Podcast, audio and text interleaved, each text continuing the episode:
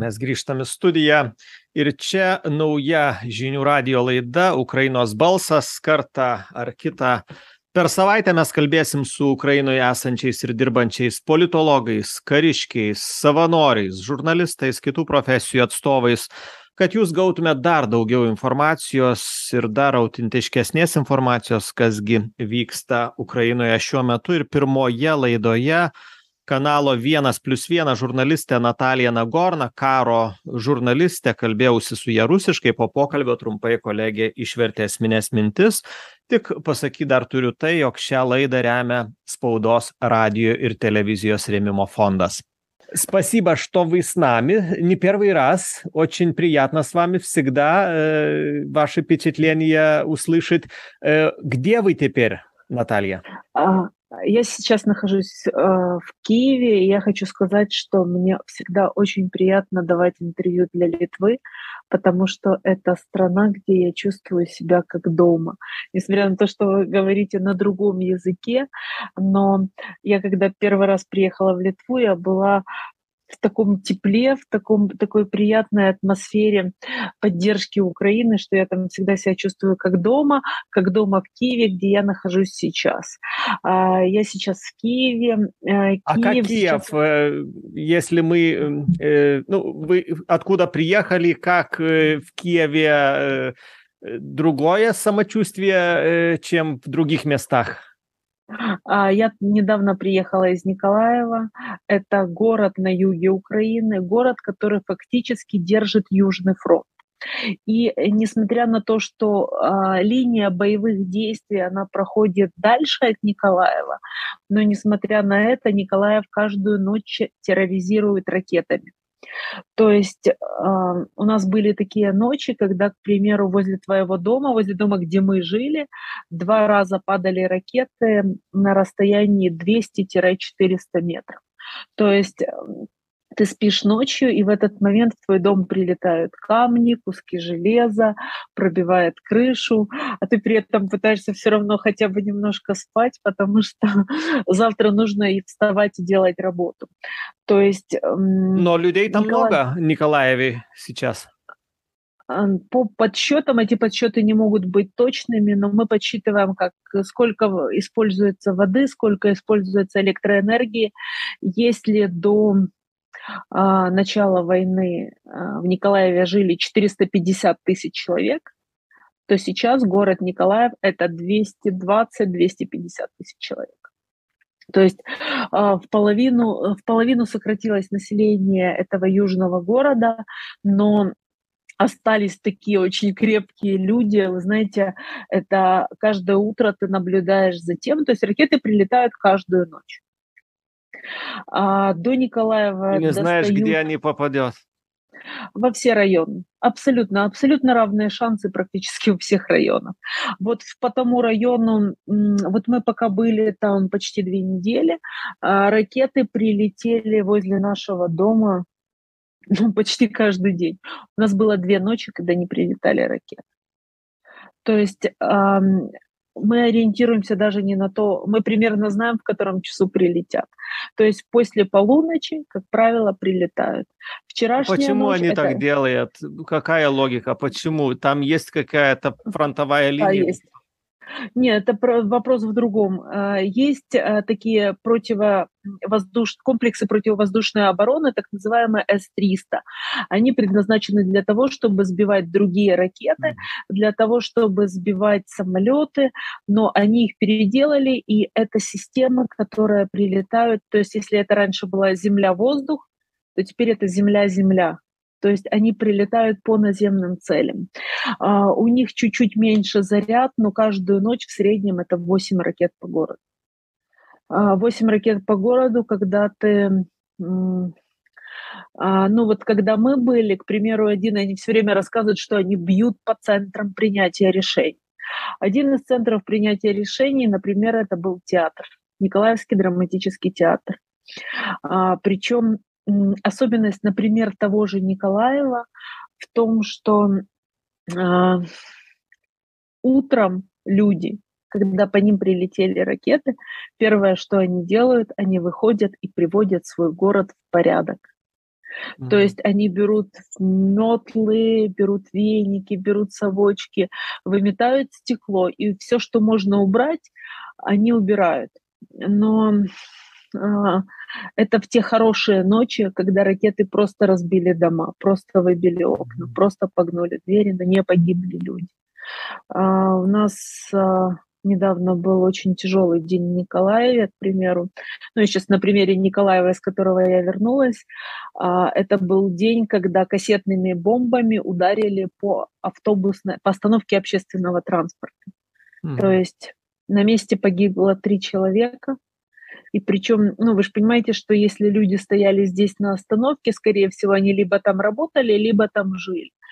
И это были такие очень драматичные истории, когда, к примеру, лежит тело женщины, а ее муж просто выходит из дома и ее оплакивает. Так три человека погибло, и 12 человек получили ранения. Ночью, по-моему, от прилета ракеты 8 человек получили ранения, и одной из женщин было очень тяжело достать, потому что а, балками, перекрытиями ей привалило ноги. Вот. А, но у нас был один день такой, знаете, про который мы даже говорили, что было непонятно, где у нас хуже, Николаев, Запорожье или Днепр, бывший Днепропетровск. Mm-hmm. Потому что в Николаеве, получается, было а, два сильных обстрела. Это ракетный обстрел, где было 8 раненых, а ракет кассетными снарядами, где было 12 раненых и трое погибших. А, обстрел а, Днепра, где было трое погибших, причем сначала была информация об одном погибшем человеке, а, а у двоих людей они были пропавшие без вести, все надеялись, что они куда-то уехали, отключили телефон, но оказалось, mm-hmm. что люди все-таки погибли, и там м- была проблема в том, что они хотели нарушить движение транспорта в городе, потому что они сожгли 50 автобусов, еще 100, около 100 автобусов пострадали и как бы были mm-hmm. выведены из строя.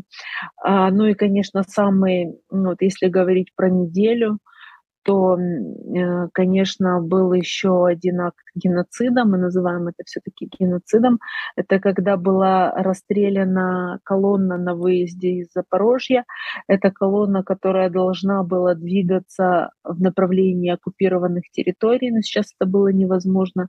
И там, ну вот, я сейчас, честно, даже не знаю окончательные цифры, но это два с половиной десятка человек погибли просто потому, что ночью ударили по колонии с мирными людьми. Плюс а, сейчас идет активное освобождение территорий, но чем больше у нас освобождают территории, тем больше актов геноцида. Например, э, город Изюм, вы знаете, что там а, были найдены стихийные захоронения, это более четырех сотен людей. Причем mm. это люди, которые в основном подвергались пыткам, это люди, которые были убиты, ну, умерли тяжелой смертью, назовем это так.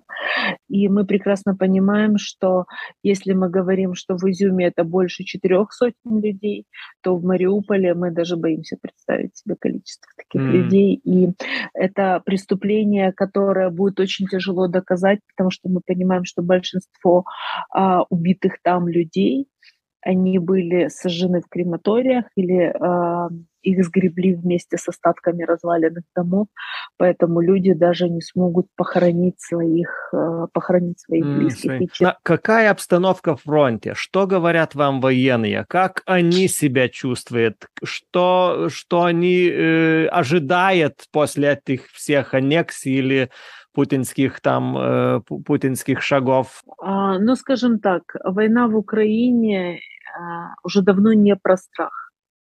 То есть у нас, знаете, о чем сейчас самая популярная шутка? О ядерном ударе по Украине. Что мы будем делать в случае, если будет нанесен ядерный удар? Мы понимаем, с одной стороны, что это было бы очень тяжело, потому что привело бы к массовым жертвам. С другой стороны, мы понимаем, что это агония России. Мы понимаем, что вот каждый человек в Украине, он понимает, что Российская империя, именно Российская империя, она будет развалена. И вот сейчас, когда делаются такие заявления о мобилизации, вот у нас погибло 6 тысяч на войне, поэтому мы сейчас мобилизируем 300 тысяч человек, дадим им «Катюши» и пойдем. А, то есть если страх этой мобилизации, мы понимаем, что если у России, а, к сожалению, огромный мобилизационный потенциал, и если взять 25 миллионов человек и вооружить их даже палками, то э, нам будет очень нелегко. И военные все это понимают, особенно те, которым придется с этими дикарями воевать с одной стороны.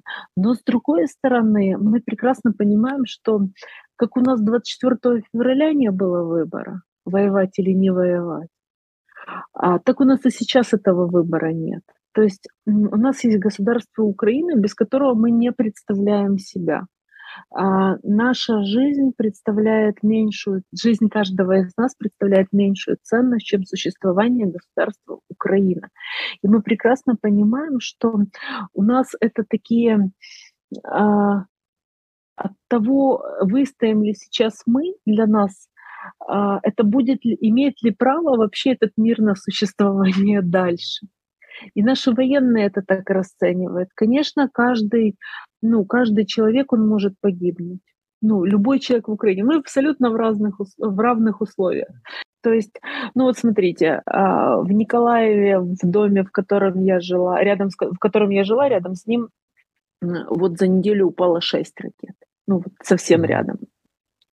В доме, где я живу в Киеве, упало а, за эти месяцы войны 8 ракет посерьезнее.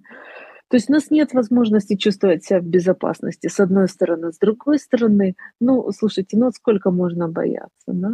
Ну вот нет смысла бояться долго. Ты все равно ко всему привыкаешь. Люди привыкли. есть, люди а, привыкли, но не в плохом смысле привыкли. Очень часто это в хорошем смысле. Это такая, знаете, уже злость. Вот, ну, что нас, чем вы нас пугаете? Ну вот чем вы нас хотите испугать? А, своими ракетами. Да вы убили наших ну, детей много убили. У нас, знаете, вот самая, одна из таких самых трогательных, ужасно трогательных, страшных историй, которая была на этой неделе, это обстрел э, дома в Днепропетровской области, когда прилетела в дом и погибло двое маленьких детей, брат с сестрой, погибла их мама, а, погибла бабушка. И когда пришли на развалины этого дома забирать тела, там сидел собака, у которого были через пыль вот такие слезы проступали. А папа этих детей, муж а, погибшей женщины, он в это время воевал за Украину. Ну вот скажите, насколько сейчас ему будет легче или сложнее воевать. Да он все потерял. У нас есть люди, которые потеряли все. У нас есть, например, полицейский, у которого э, один прилет ракеты убил его семью, шесть человек и развалил его дом. То есть мы настолько много уже потеряли, что, э, мне кажется, даже несколько ядерных ударов не заставят нас капитулировать. То есть если нам не перестанет помогать мир, а у нас сейчас очень важный период. Мы надеемся на то, что начнет наконец-то в Украину приходить ленд-лиз. То есть до этого мы получали помощь от партнеров, Uh-huh. А, и это была бесценная помощь, и каждой стране, которая нам ее оказала, мы очень благодарны. То есть вы себе не представляете, насколько каждый, каждый боеприпас помогал нам. Сейчас мы ждем ленд-лиз, и мы надеемся, что у нас будет оборудование военное, которое нам поможет. Первое, сохранить жизни наших военных, потому что это все равно наши люди. То есть мы понимаем прекрасно, что ну, это украинцы. То есть а, мы можем восстановить дом, но мы не можем родить того же человека второй раз. Да? Mm-hmm. но при этом мы прекрасно понимаем, что последний месяц из того, что я вижу, уничтожаются склады а, россиян с оружием. Чем больше уничтожено таких складов, тем меньше по, нам, по нашим людям прилетит снарядов, ракет, а, всех видов боеприпасов. Наносятся удары по командным пунктам. То есть чем меньше чем страшнее будет нашим врагам, тем меньше их будет желающих стать нашими врагами.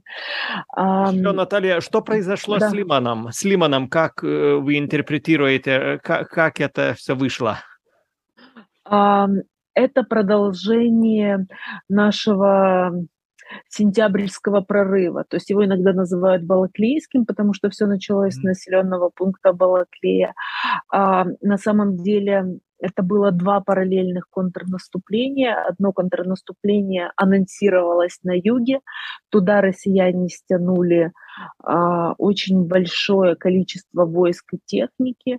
А, причем насколько мы сейчас уже знаем, а, ну я подробнее сейчас потом об этом расскажу, вот Путину предлагали, чтобы войска его отошли на другой берег Днепра mm. и сохранили свои жизни, но он предпочел, чтобы они умерли, но не сдали территорию. А, что произошло э, с Харьковской областью? Идет поступ постепенное освобождение Харьковской области с продвижением в сторону Луганской и Донецкой области. Освобождают населенные пункты, которые долго были в оккупации. Это стало возможным благодаря а, так называемому рейду украинских десантников, которые фактически зашли в тыл и дали немножечко времени русским на то, чтобы они ушли. Они не просто ушли, они сбегали, а, бросая очень много техники. Это называется у нас российский ленд-лиз. Это позволило сделать очень важное. Это позволило а, нам, нашим военным, взять в плен много русских. Для нас это важно, потому что, ну, по моим таким подсчетам примерным, это не точные подсчеты, больше 6 тысяч украинцев находятся в плену, угу. и нам нужен обменный фонд. То есть для нас было важно, чтобы россияне были еще и в плену для того, чтобы вернуть домой наших людей, которых они незаконно удерживают. Причем, если в Украине еще пленные, как на курорте, то в Украине украинские пленные, которых взяли в плен в россияне, как в концлагере, угу. к сожалению. А что означает Лиман? Лиман это прямой выход на основные дороги Луганская, Донецкая область. Mm. То есть это контроль над э, путями снабжения. То есть это означает, что, а, ну, грубо говоря, очень примитивно говоря, ну, так, чтобы было понятно человеку не из Украины, а, это путь к освобождению Луганской области, это путь к отрезанию российских войск в Донецкой области тоже.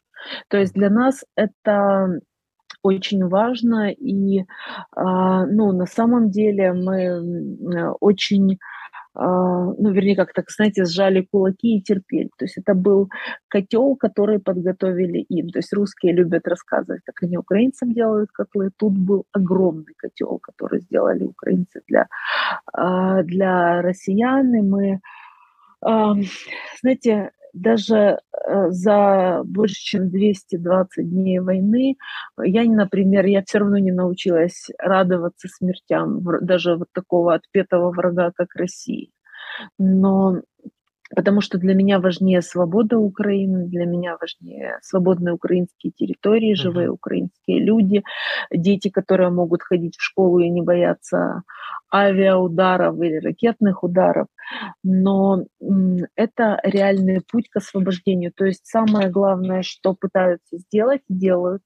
Dabar trumpai pateiksiu pokalbio vertimą. Natalija šiuo metu yra Kijeve ir jai visada malonu duoti interviu Lietuvai, nes čia jaučiasi kaip namie ir jaučia didelį palaikymą Ukrainai. Nesenai grįžo iš Mikolaivo, miesto, kuris iš esmės laiko pietų frontą nepaisant to kad fronto linija eina toliau nuo miesto mikolajivas kasnakt yra terorizuojamas raketomis buvo naktis kad dvi raketos šalia namų kur natalija gyveno krito dviejų keturių šimtų metrų atstumu iki karo pradžios mikolajeve gyveno keturi šimtai penkiasdešim tūkstančių žmonių šiuo metu čia liko du šimtai dvidešim du šimtai penkiasdešim tūkstančių.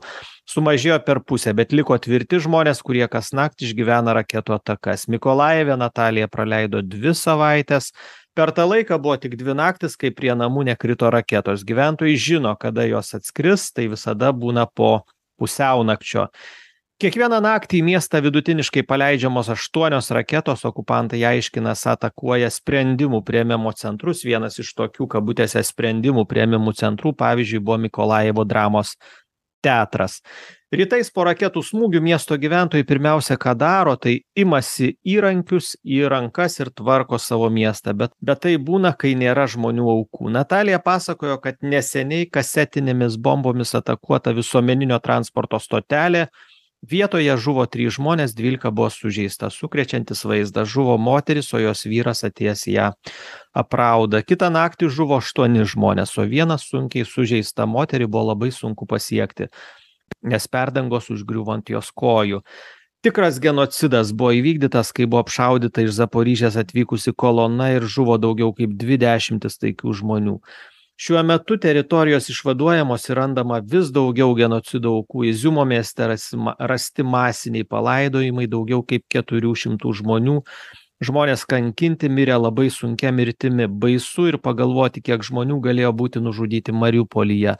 Daug žmonių sudeginti krematoriumuose likę po pastatų nuolaužomis artimieji negali jų palaidoti na kokia padėtis fronte klausiau. Natalija sako kad karas ukrainoj jau seniai ne apie baimę.